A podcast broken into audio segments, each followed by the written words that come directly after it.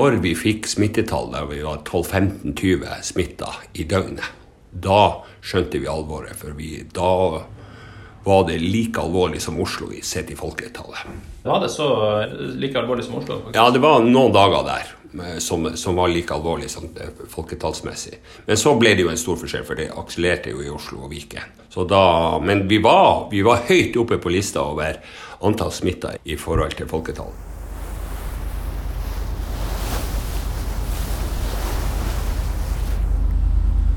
Mars, da det sto på som verst, er forbi. Det er blitt eh, sommer, og flere politikere og toppbyråkrater fra Tromsø er på vei til Rebbenesøya med ferge.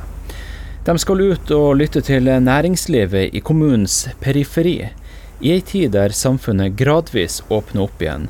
Men først må fergeturen betales. Er det noe sånn ordførerrabatt?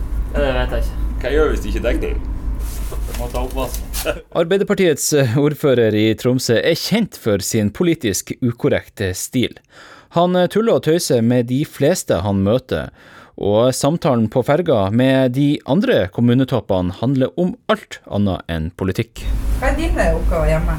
Min oppgave det er å ta vare på søpla og tenke. Hva bruker du å vaske først, da? For der er mannfolk når dere vasker opp. Men tenker du at det er noe som burde vaskes før det andre? Jeg har jo oppvaskmaskin. Ja, Det, er, ja, det skal settes i oppvaskmaskinen. Men setter du kjeler og sånn i oppvaskmaskinen? Nei, det vasker jeg for hånd. Ja. Ja. Men jeg er jo sånn som rydder underveis når jeg lager mat. Okay. Jeg tar ikke alt til slutt. Nei. Men støvsuger du? Nei, jeg støvsuger Ja, jeg støvsuger jo. Jeg har sånn sentralstøvsuger. Hvorfor har du ikke robotstøvsuger? Nei, det kan jeg ikke med. Gunnar Wilhelmsen, ordfører i Tromsø. Jeg er sjelden i dårlig humør. Jeg kan bli engasjert og av og til irritert, og, og litt mer enn det òg. Men i utgangspunktet så, så bruker jeg å si at når man jobber, så jobber man, og da jobber man hardt og godt. Og så må man ikke glemme av og til å være gutt og ha det artig. Jeg tror man får med å ha et glimt i øyet og ha litt fliring, gjør at man får mer, energi. Hvilken måte er det viktig som ordfører å kunne få ut eh, gutten i seg av og til? Nei, altså det er Når du har møter, så skal du være tydelig på hva du, hva du mener, og hvordan vi vil ha det som politikere. Og så må man komme med en humoristisk tilnærming eh, på enkelte områder, men allikevel få frem budskapet. Og det er mulig å få til. Vel fremme på Rebbenesøya er det folkemøte om fiskeri og næringsutvikling. Før Wilhelmsen ble ordfører, var han selv en betydelig skikkelse i næringslivet i Tromsø. En skikkelse med høy røst. Nå en politiker du hører lett i folkemengden. Og en ordfører som etter å ha blitt valgt i fjor høst, fikk en rekke tunge saker rett i fanget. Det toppa seg med koronakrisa. I byen så fikk Norges første bekreftede smittetilfelle.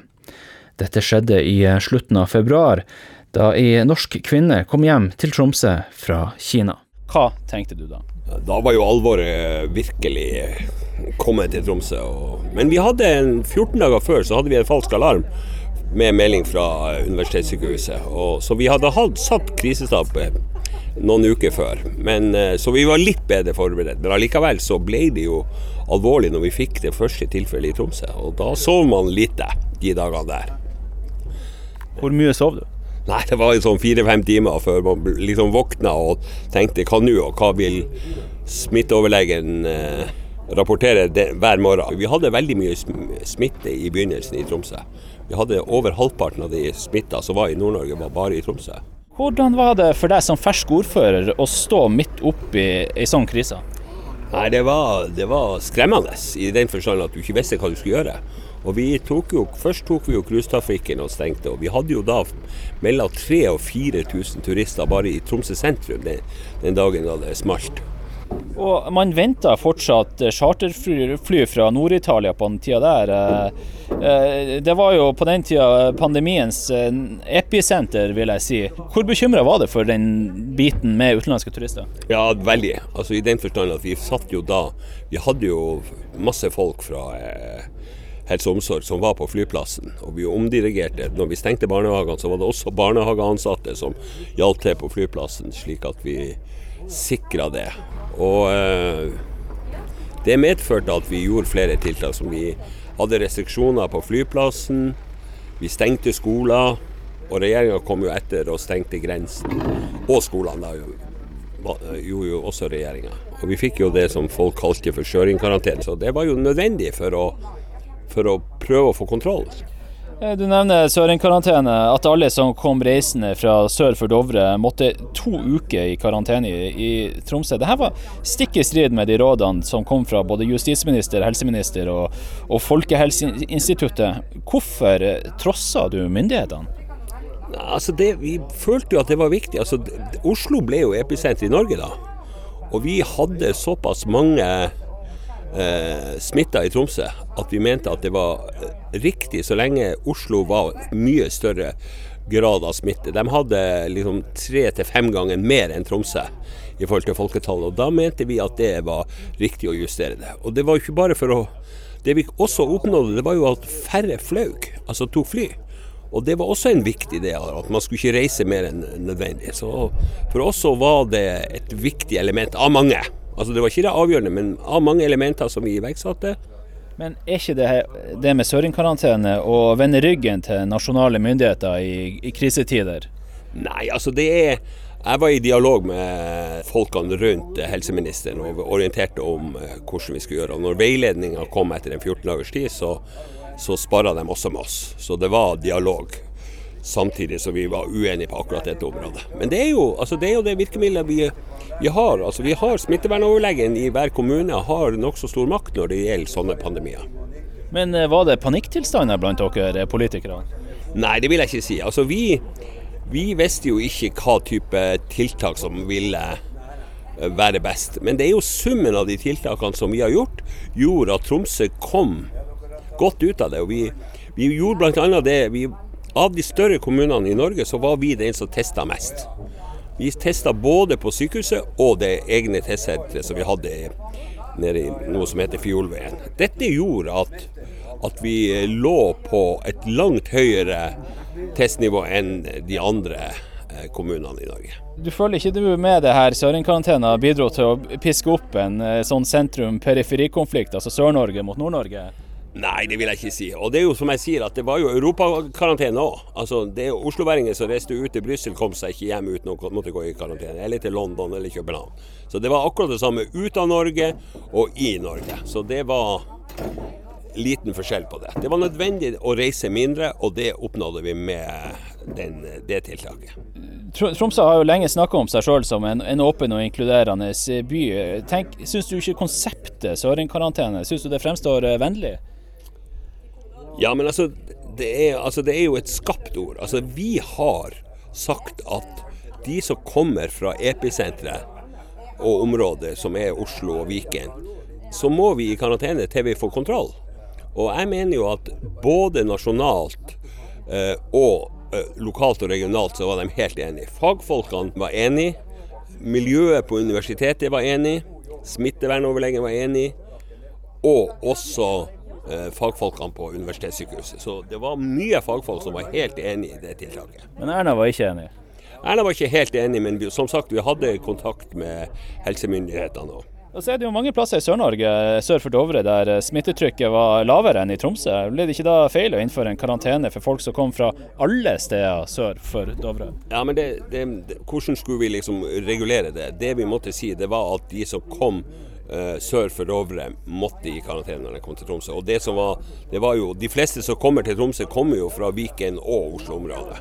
Så det var etter vår og fagfolkenes vurdering helt riktig. Det var jo mye smitte i Tromsø på den tida der, og Nordreisa kommune bl.a. vurderte jo å innføre Tromsø-karantene. Ville du hatt forståelse for at andre kommuner eh, ville sette folk som kom reisende fra Tromsø i karantene?